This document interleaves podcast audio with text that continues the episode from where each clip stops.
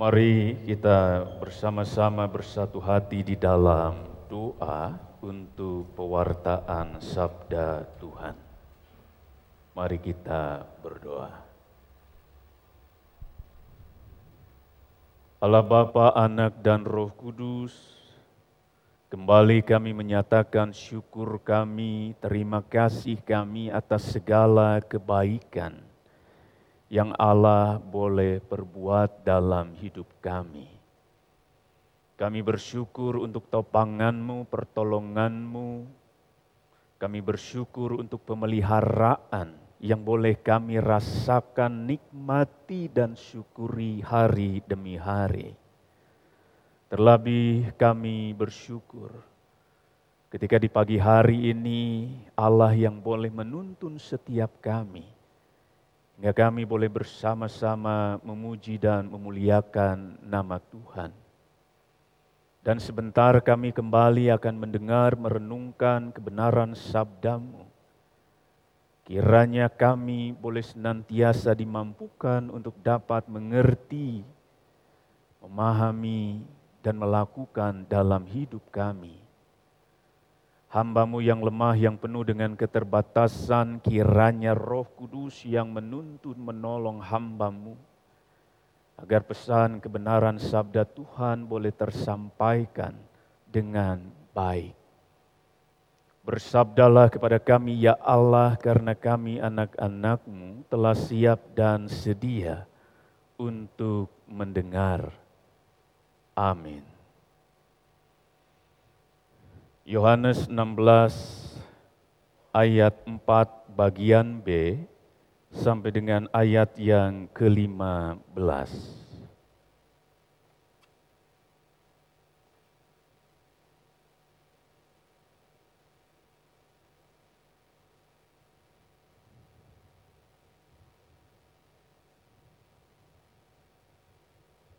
Yohanes 16 ayat 4 bagian B sampai dengan ayat yang ke-15.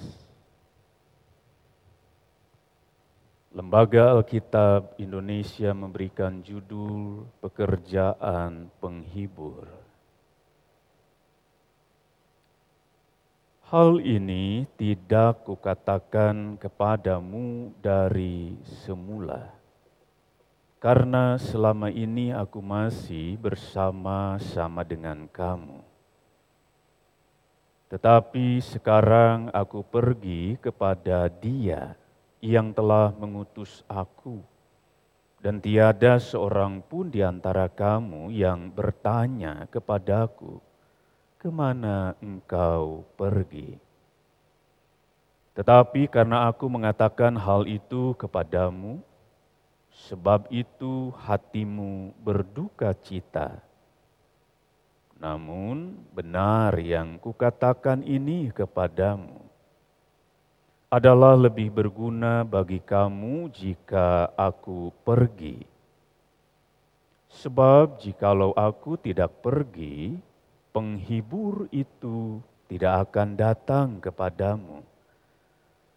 Tetapi jikalau aku pergi, aku akan mengutus dia kepadamu.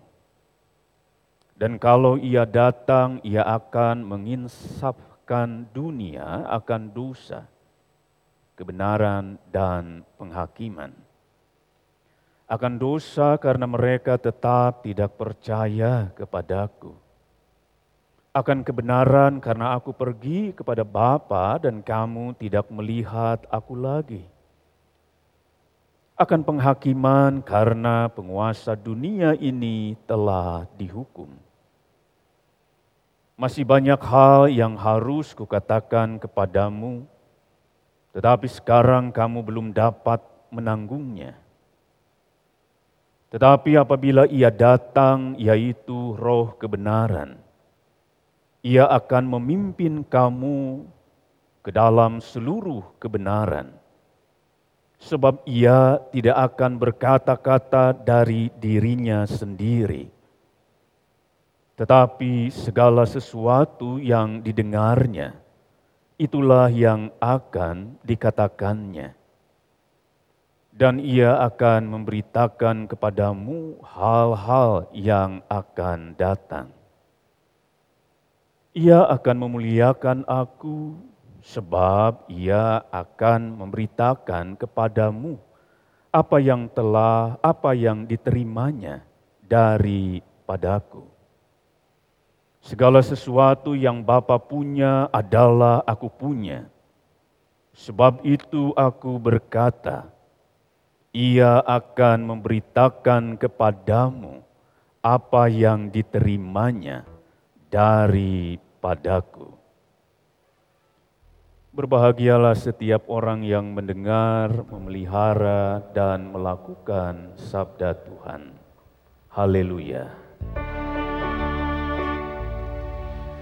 Haleluya!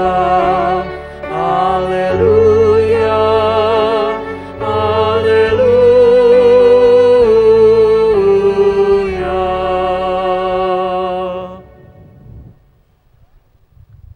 Saudara-saudara yang dikasihi oleh Tuhan Yesus Kristus, ada harapan, ada doa yang biasanya keluar dari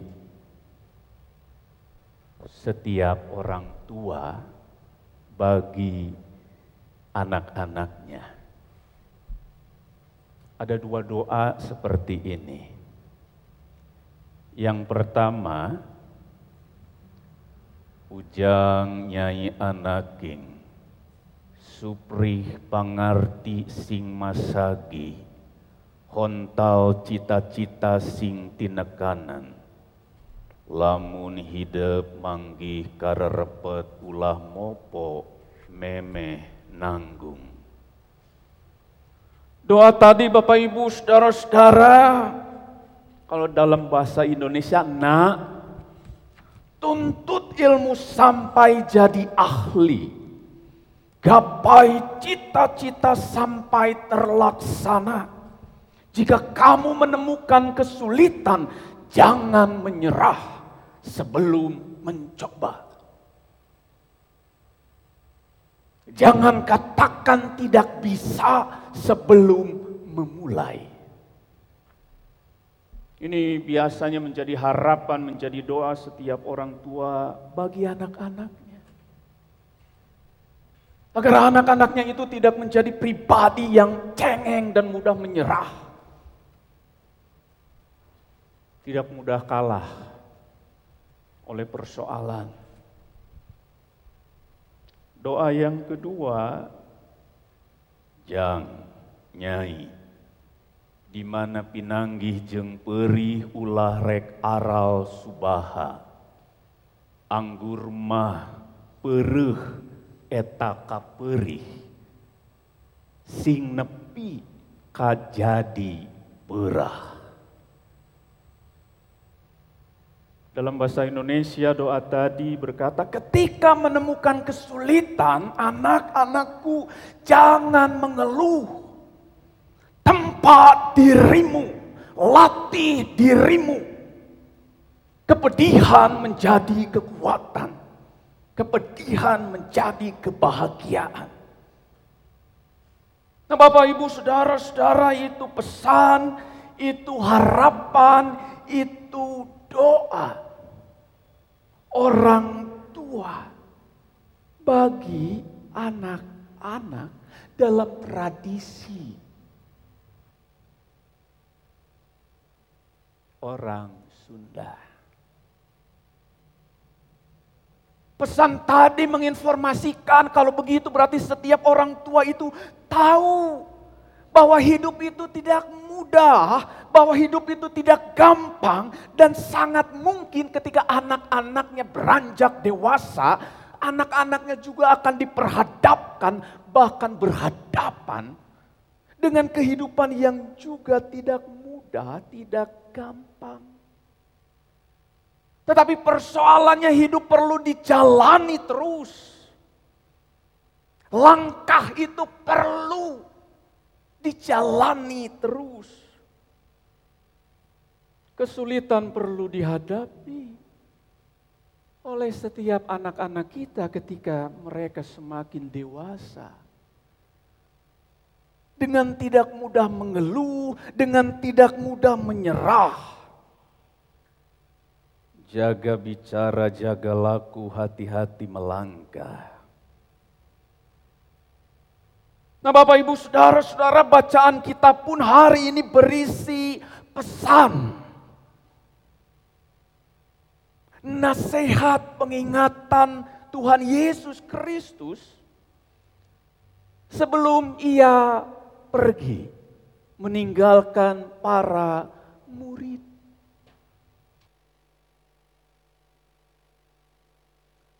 Pesan yang Yesus sampaikan Bapak Ibu Saudara-saudara tentang roh yang akan diberikan tentang Roh Kudus, Roh yang menghibur, tentang bagaimana Roh Kudus itu bekerja. Pesan dari Yesus itu hendak mengingatkan, kalaupun aku pergi, sesungguhnya engkau tidak benar-benar sendiri. Karena aku mengutus Roh Kudus. roh penghibur, roh kebenaran. Pesan ini Yesus perlu sampaikan karena Yesus tahu murid-muridnya saat itu sudah mulai takut, sudah mulai khawatir, sudah mulai gelisah. Mereka berpikir kalau Yesus pergi, persoalan di depan, pergumulan di depan itu berat. Apakah kami mampu jika Yesus meninggalkan kami? Ada ketakutan, ada kengerian yang luar biasa yang dirasakan, dialami oleh para murid. Karena itu Yesus kembali mengingatkan, Yesus meneguhkan, Yesus menjelaskan tentang siapa itu Roh Kudus, siapa itu Roh Penghibur. Yesus hendak menguatkan para murid bahwa mereka disertai Allah senantiasa dalam kehidupan hari demi hari. Walaupun sebentar lagi tanpa kehadiran Yesus di samping atau beserta mereka. Tapi para murid perlu dan harus berjalan terus. Melanjutkan pekerjaan yang sudah dimulai oleh Kristus Yesus. Sekalipun tidak mudah. Nah saat ini Bapak Ibu, Saudara-saudara, para orang tua terutama yang menyaksikan anak-anak kita. yang sebentar lagi akan menyatakan kesiapan, kesungguhan, komitmen, pengakuannya bahwa Yesus Kristus adalah Tuhan dan hendak mengikuti dia seumur hidup. Tentu para calon CD ini akan memasuki fase yang baru. Hidup mereka sebagai orang-orang dewasa secara iman Dan tentu hidup dalam iman seperti itu perlu dijaga. Dan menjaganya juga mewujud dalam sebuah tindakan iman. Bahasa kudu dirasa laku kudu tetap maku.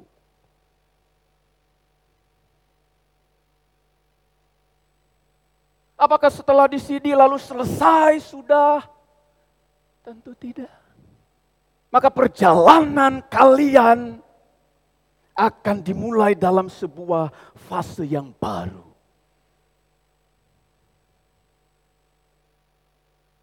Sebagai seorang yang punya pemahaman, keyakinan, iman yang teguh. Apakah mudah terus berjalan dalam iman kepada Yesus Kristus yang akan kalian lakukan? Tidak. Tidak ada jaminan hidup menjadi lebih mudah. Tidak ada jaminan persoalan itu kemudian sirna kalau kita mengikut Kristus setiap hari. Tetapi ketika Yesus menjanjikan penghibur,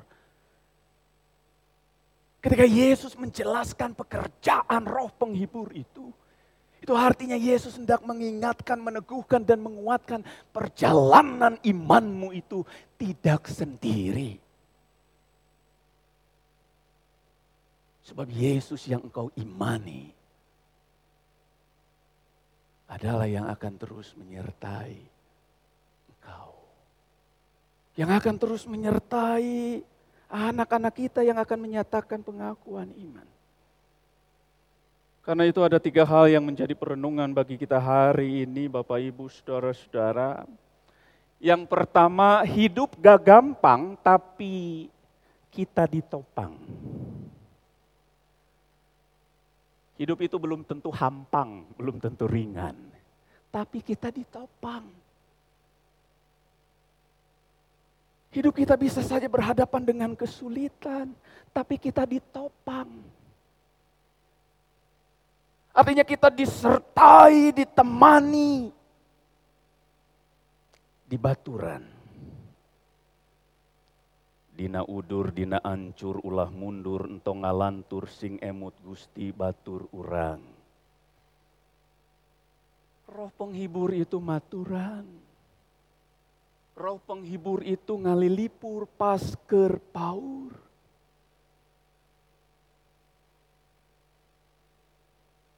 perjalanan iman, saudara-saudara yang akan menyatakan pengakuan iman, sekali lagi bukan perjalanan yang mudah, yang gampang.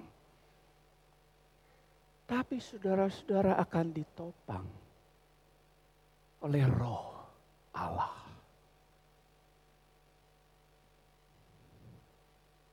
Yang kedua, hidup banyak masalah, tapi kita melangkah bersama Allah.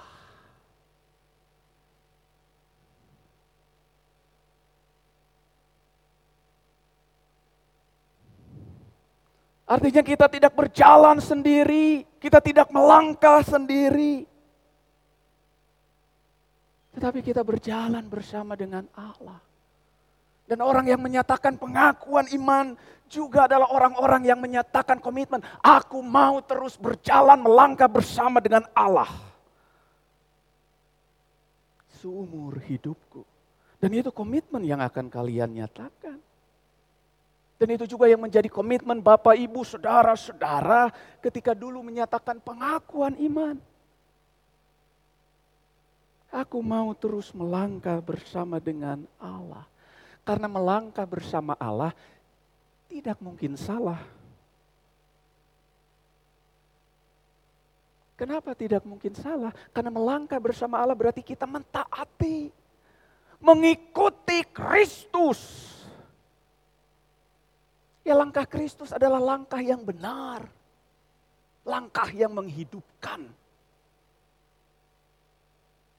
Seorang Sunda bilang menuturkan, Ya kalau kita nuturkan Gusti, maka seharusnya kita tidak akan melangkah salah.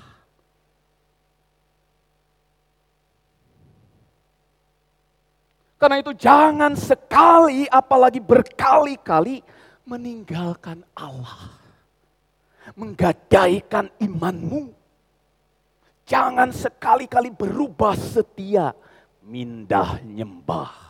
Nyembah kagustinya kagusti. tetaplah mengabdi pada Dia. Tetaplah beriman walaupun tidak aman.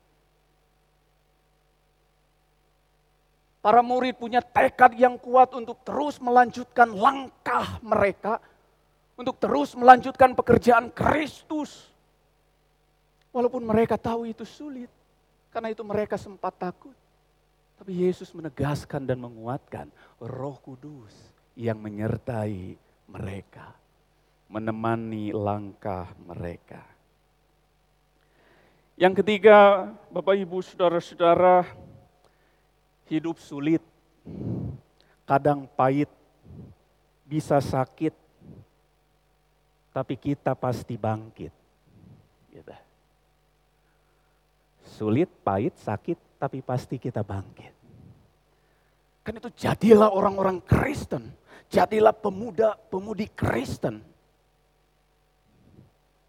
yang siap hadapi persoalan apa pun. Kalahkan dunia dengan pergumulannya. Jangan kalah oleh masalah. Sebab engkau punya Allah. Jangan kalah oleh masalah sekali lagi. Sebab engkau punya Allah. Jangan lari tetapi tetap berdiri. Di dalam keyakinan iman yang para katekisan, calon peserta sidi ini akan akukan. Dan teruslah cari kehendak sang ilahi. Perjalanan iman kalian